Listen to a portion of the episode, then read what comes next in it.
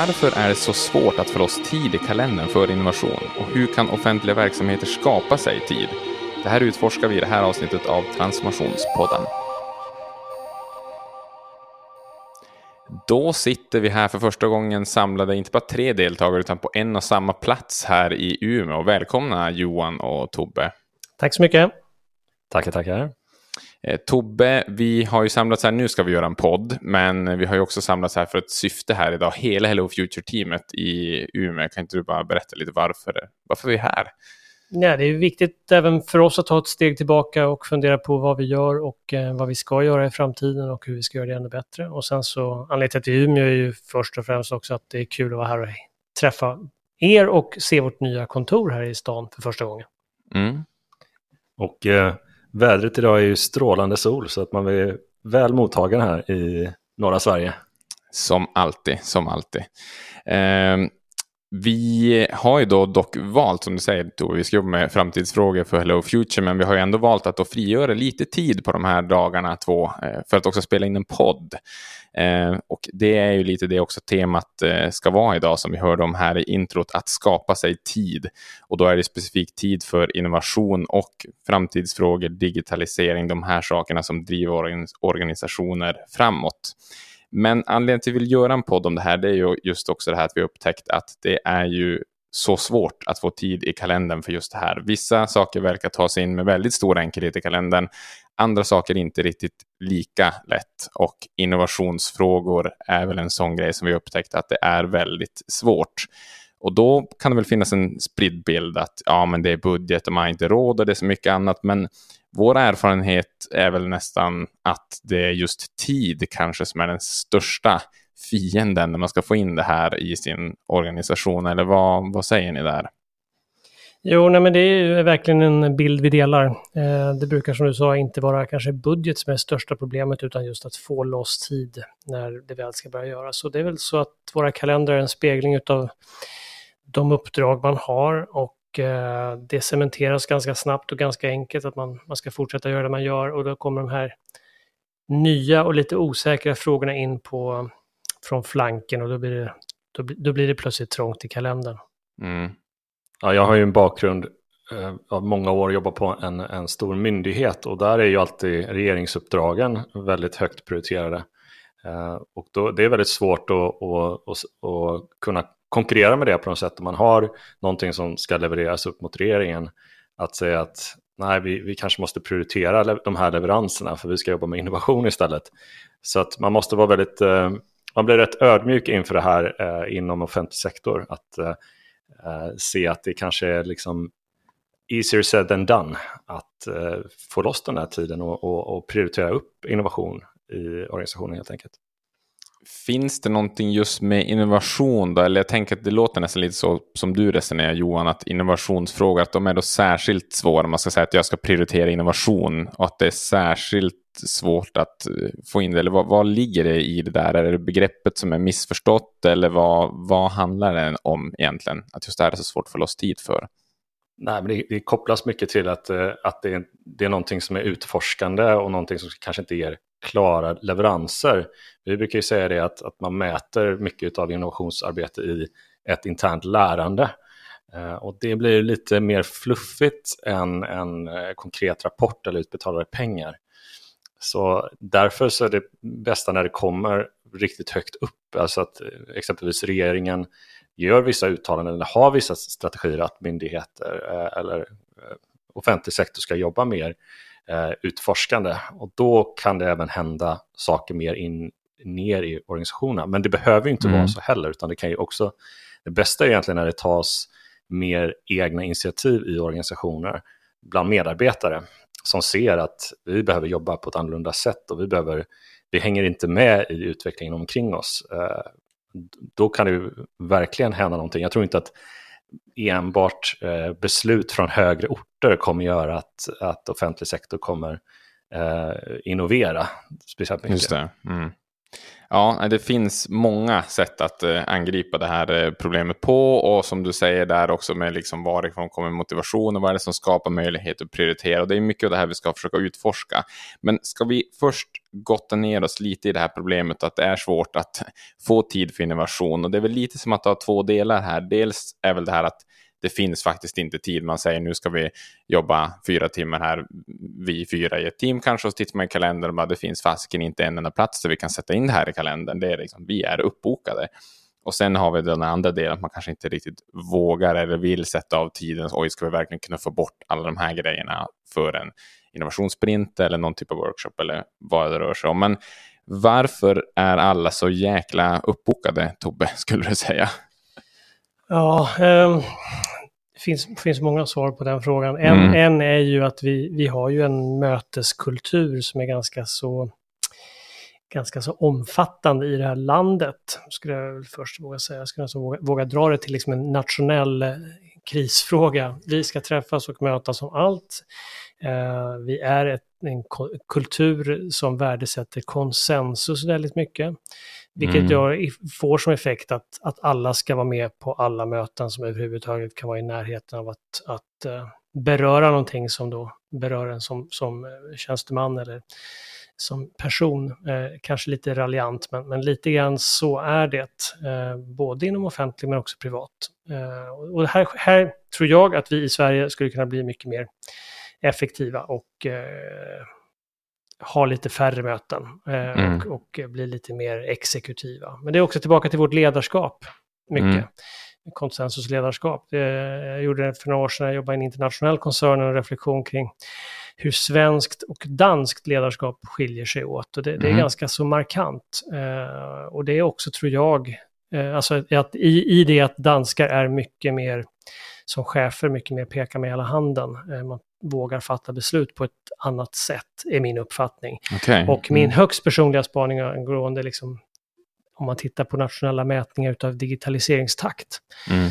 så har ju Danmark rusat iväg och ligger långt före Sverige, vilket jag tror beror mycket på då att man vågar fatta de här obekväma besluten som digitalisering trots allt har att göra med eh, på ett annat sätt än vad Sverige gör. Sen kanske man inte får med sig organisationen på samma sätt, så man vet inte hur de långsiktiga effekterna blir. Men mm. det danska ledarskapet och eh, avsaknaden av konsensuskultur på samma sätt eh, har lett till det. Det var en liten utsvävning, men, men jag tror att konsensuskulturen i Sverige är en, en, eh, någonting som gör att vi får svårt att hitta tid i kalendrarna.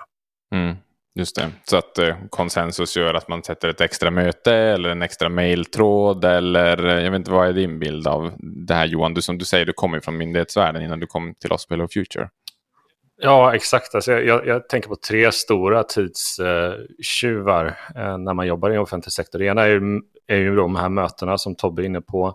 Eh, vi kan ta också olika mejltrådar och svara på mycket mejl som, som gör att alla ska vara i, i, i linje. Eh, och sen har vi också på det en hel del administration som man måste sitta med som, som kanske kan eh, bli lite enklare. Så de här tre delarna slukar upp rätt mycket av, av, av tiden som man har på sitt jobb. Mm.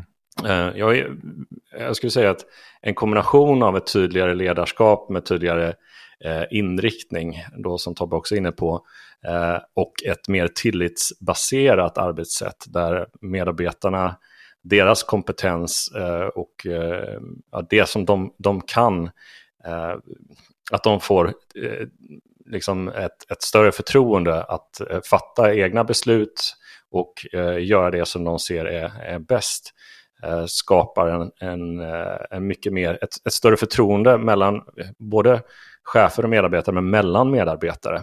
Tydligare roller pratade vi väldigt mycket om på min eh, eh, förra arbetsplats. Tydligare roller kombinerat med eh, team med olika kompetenser i, där alla bidrar till sin del. Och då eh, behöver inte alla eh, vara med på, på, på, allt, utan man vet att, att den personen har bättre koll på den här frågan och kan, kan driva den. Eh, helt enkelt. Och då, där tror jag man sparar väldigt mycket tid av, av de här ständiga, bordet går runt och man pratar och pratar och pratar mm. eh, och har olika typer av kanske idéer om hur saker och ting ska göras. Mm. Men man kommer inte så mycket längre. Mm. Nej, det finns ju, jag tänker att du pratar om många olika saker där och det känns som att just det här med kultur, det är en fråga som det kommer från så många olika håll och det finns många olika saker vi kan göra för att angripa och försöka flytta kulturskutan i en annan riktning på något sätt.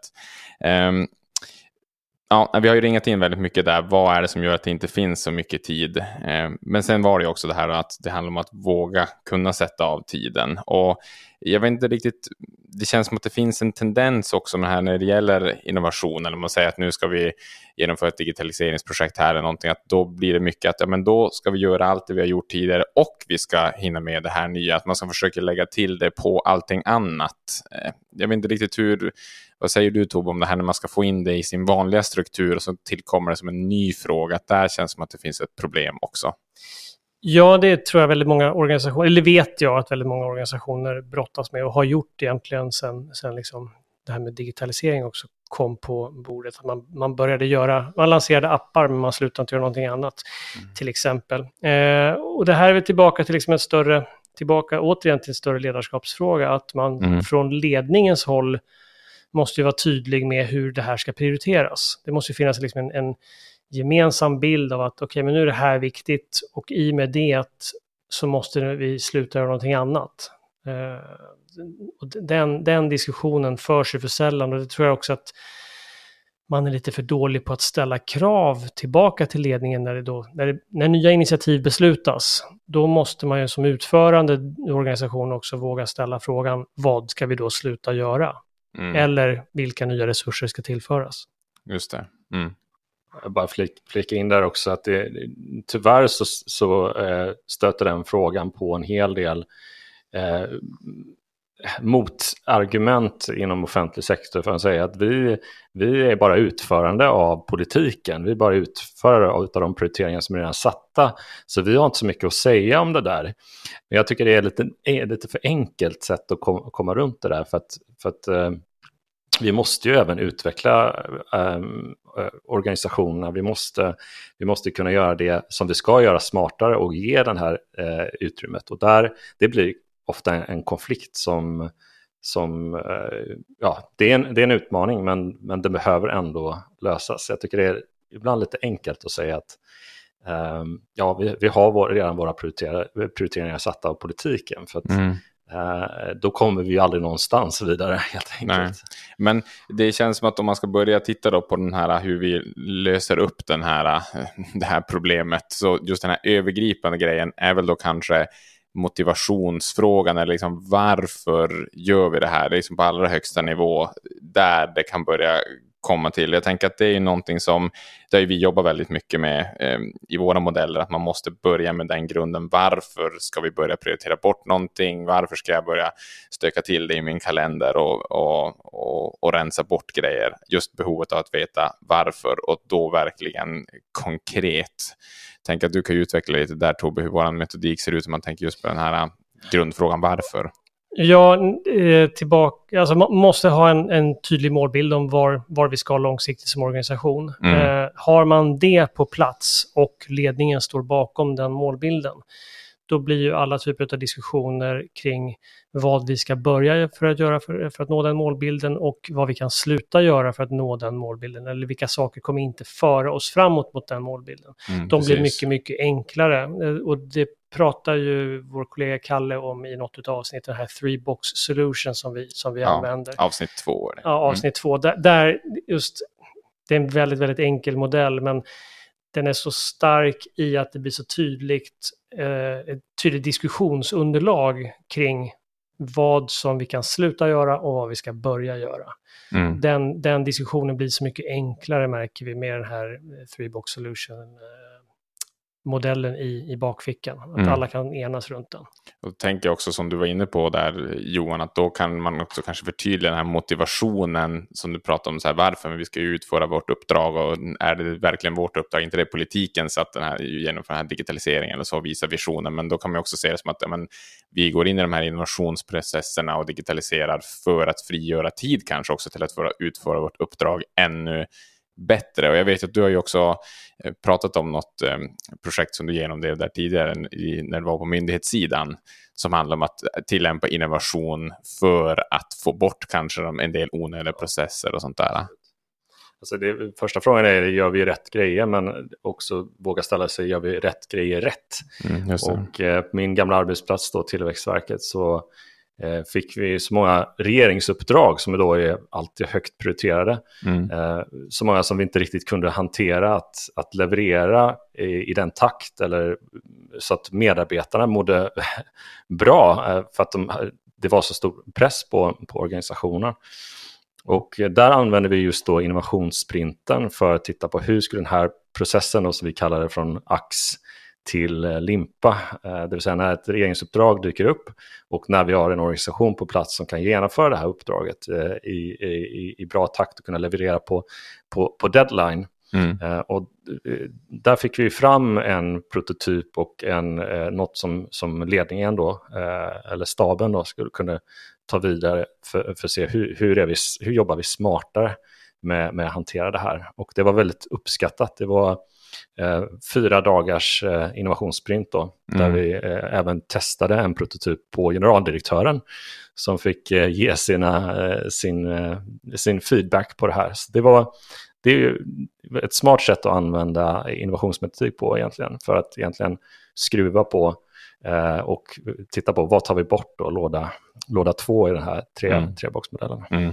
Men det är det som är så intressant, för då, då visar ju återigen vikten av det här som du pratade om tidigare Tobbe, att man vet varför gör vi det här. För nu ska vi alltså sätta av fyra dagar till innovationssprint som handlar om att spara tid. Och då är det ju så otroligt viktigt att man vet att det här ska spara oss väldigt mycket tid över, över tid helt enkelt.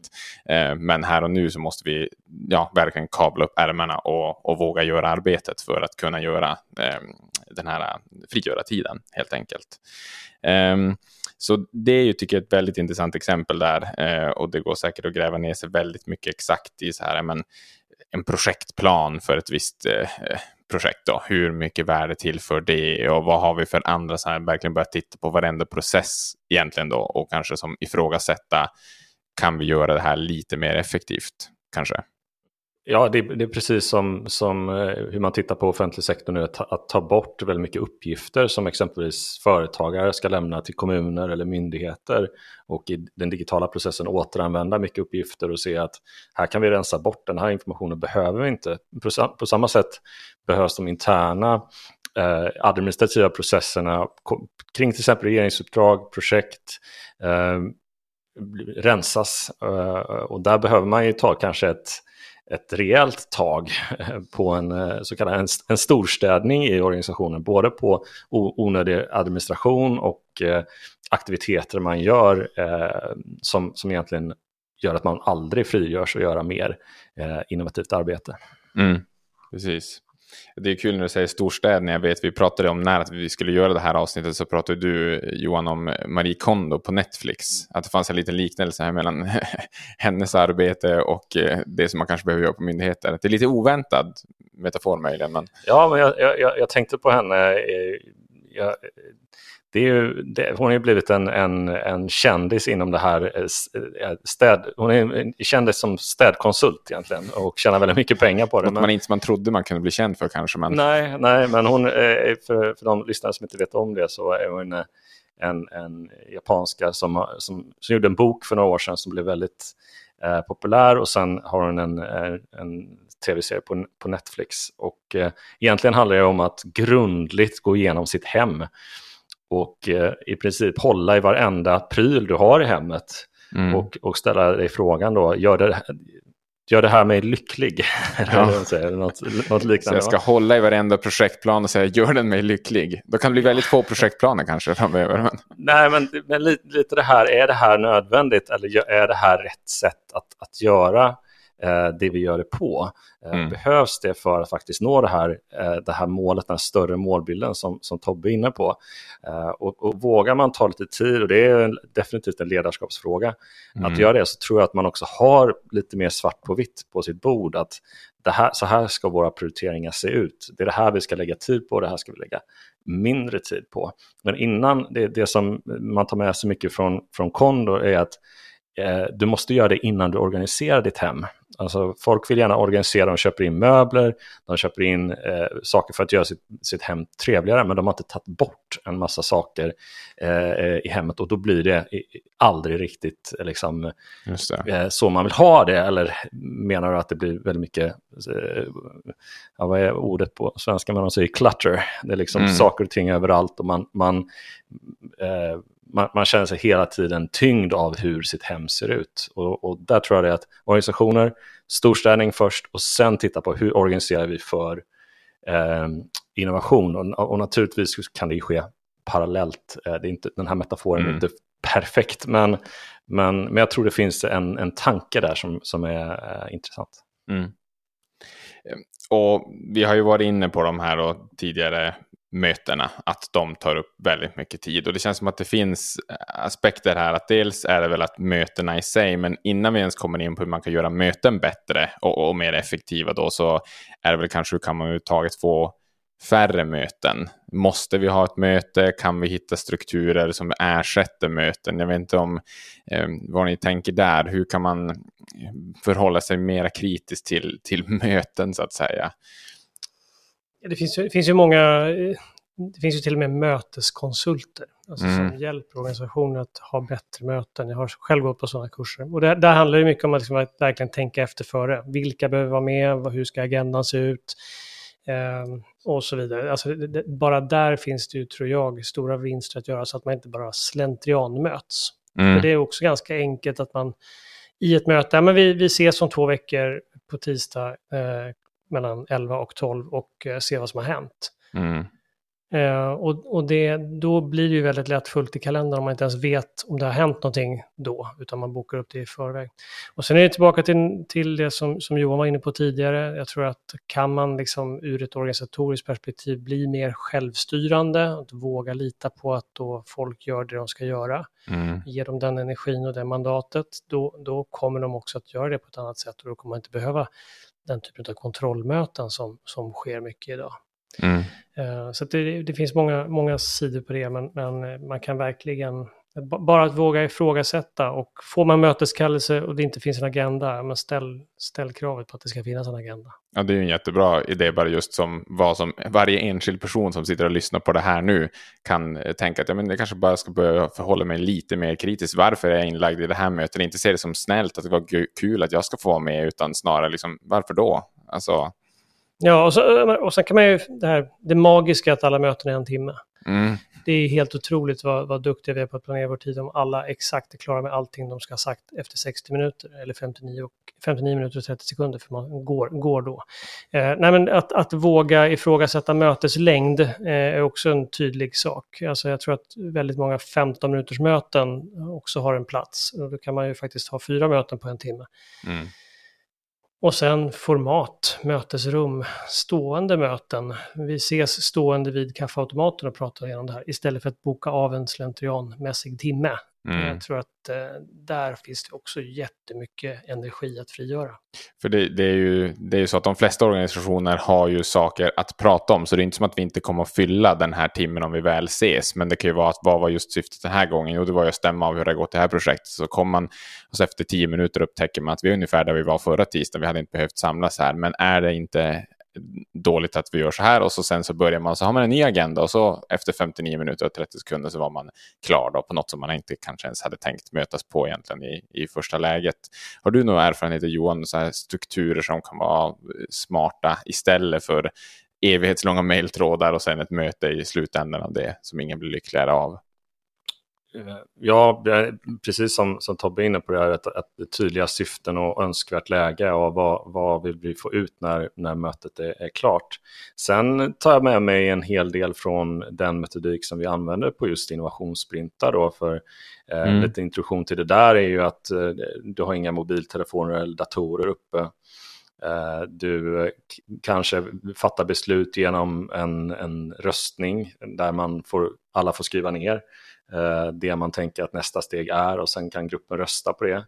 Eh, kan man göra fem minuter istället för att diskutera en, en halvtimme för att skapa konsensus. Så det, det, det, finns många, mycket, mycket distraktioner som, som sker av eh, att man går in i möten och inte riktigt vet äh, jag, jag, borde egentligen svara på de här fem mejlen istället. Så sitter man och tänker på det och kanske till och med sitter och svarar på mejl. Mm. Eh, vilket kanske distraherar en person som har kallat möte som tyckte det var väldigt viktigt att, att du var där. Eh, men den här misskommunikationen innan och kring ett, ett projekt och, och möten eh, gör att eh, man, man, kommer inte så snabbt fram som man borde göra på en timme eller till och med 45 minuter. Mm.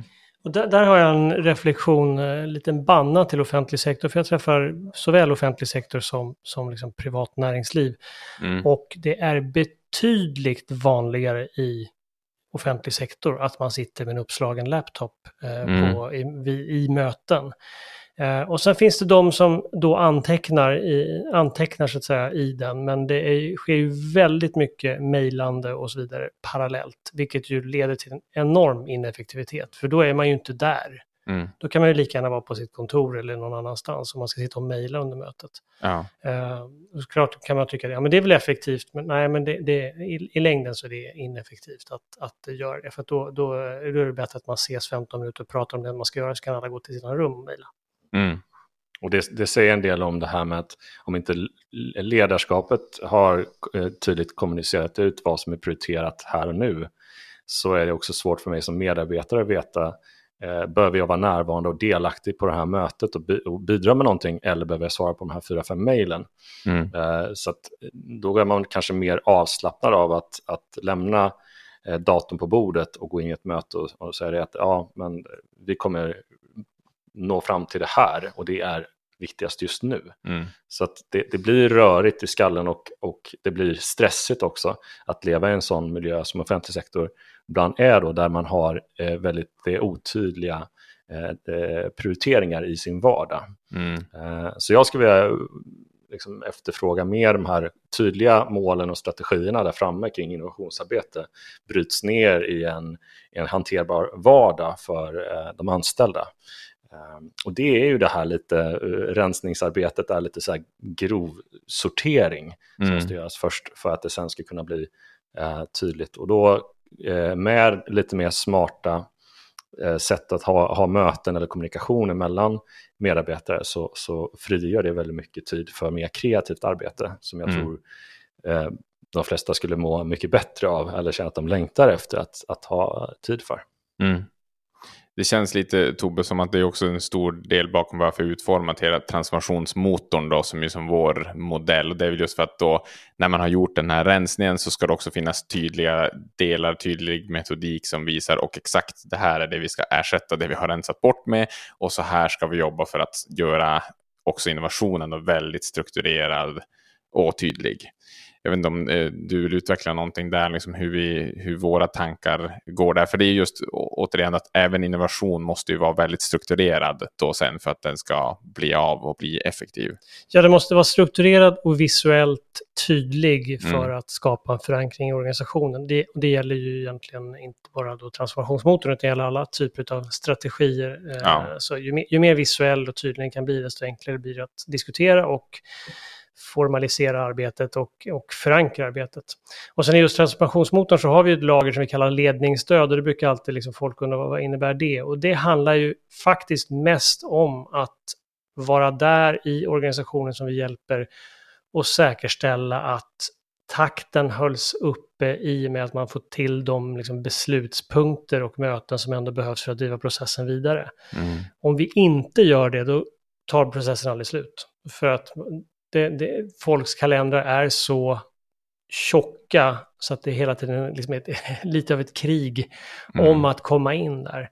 Mm. man måste ute i oerhört god, god eh, framförhållning. Men, men den rollen har vi lärt oss att vi aktivt måste ta för att hålla uppe det tempo i innovationsarbetet som vi anser behövs för att det ska, ska bli en bra output.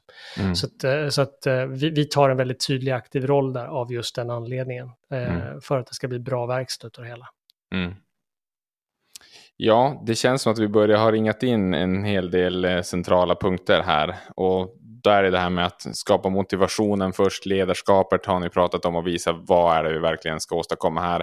Sen kommer man in i Marie Kondo-style och börjar rensa, rensa, rensa för att få någonting nytt på plats då, så att man verkligen också har plats för den här nya strukturen. Vilken metodik man då använder för att genomdriva innovationen är en annan fråga, men att skapa nya strukturer då. Och jag tycker det är så himla viktigt att man tar med sig det här, som du nämnde lite med innovationssprint-exemplet som du gav Johan, att man kan använda innovationsmetodik för att rensa och för att skapa mer utrymme i tid. Det är så himla viktigt att det inte bara är någonting som handlar om att lägga på, på, på, utan det här är någonting som vi använder för att skapa oss tid och ersätta det gamla med. Ja, bara ett tillägg där att det är viktigt att tänka just med tjänstedesign då, som, som vi använder som innovationsmetodik först och främst, eh, är ju ett, ett fantastiskt sätt att eh, utforska och jobba med just med innovation, men det är ju också inte bara ett, en, en verktygslåda, utan det är också en, ett förhållningssätt till hur, hur, hur man jobbar i, i huvudtaget med mer, mer användarcentrerat, eh, mer um, Eh, mer att man prövar saker, man testar saker i organisationen och det behövs ju i, i, i, i vardagen helt enkelt. I mm. vanliga löpare. Inte bara att ja, men nu jobbar vi med innovation strukturerat och använder oss tjänstedesign. Eh, jag tror definitivt att, att det är en, ett, ett förhållningssätt som hela organisationer kan eh, dra nytta av i, i alla de här tre eh, lådorna som vi pratar om. Egentligen. Mm. Hur, jag, hur vi gör rätt saker rätt här och nu, vad, vi slut, hur, vad vi kan sluta göra, hur vi förstår det mm. den, eh, och sen också utforskande arbetet. Så. Mm. Och just det här problem, det problemfokuserade angreppssättet, alltså att, att verkligen lägga tid och kraft och resurser på att förstå problematiken och att, göra, att, att då i det här fallet applicera det internt tror jag kan leda till bra diskussioner så att säga. Alltså, vad, är det, vad är problemen internt hos oss som gör att vi inte har tid att göra mer än, vi har, mer än vad vi har? Att verkligen borra ner i problemet. Mm. Och det känns också som att eh, förhoppningsvis om man lyssnar på det här och tänker att fasiken, det här har vi problem med i organisation, så tror jag att man kommer nog kunna hitta en eller annan, eller om inte hundratals kollegor som känner samma sak. Det är ju väldigt få som känner, men vi har för få möten och vi har för mycket tid över, så att här har ju någon, jag skulle säga att alla våra lyssnare har någonting de kan ta tag i utifrån det vi har pratat om här idag. Om inte annat får man väl kalla till ett möte för alla de som tycker så, så får vi se vilka som kommer. Exakt, det är lite det som är ironin här, att nu ska vi ta tag i det här. Jag lyssnar på Transformationspodden och det börjar med en mejltråd och så blir det ett möte. Eh, men det är någonstans där man måste börja och återigen ha siktet på vad ska det bli i slutändan. Mer tid till det som man verkligen vill ha tid för. Tack så mycket hörni för att eh, ni var med i podden och för att ni kom hit. Nu ska vi gå och fortsätta uppfinna våran framtid som vi har skapat oss tid för här idag. Tack själv. Tack så mycket. Och ett stort tack till alla ni som har lyssnat. Som vanligt så om ni har frågor, tankar, inspel på det vi har pratat om eller har så här, oh, kan inte Johan och Tobbe prata mer om det här eller det här i framtida avsnitt? Hör då jättegärna av er till transformationspodden at hellofuture.se. Där tar vi emot all typ av ris och ros och andra växtler. Jag vet inte. Hör av er helt enkelt. Eh, så hörs vi i nästa avsnitt av Transformationspodden. Tack så mycket.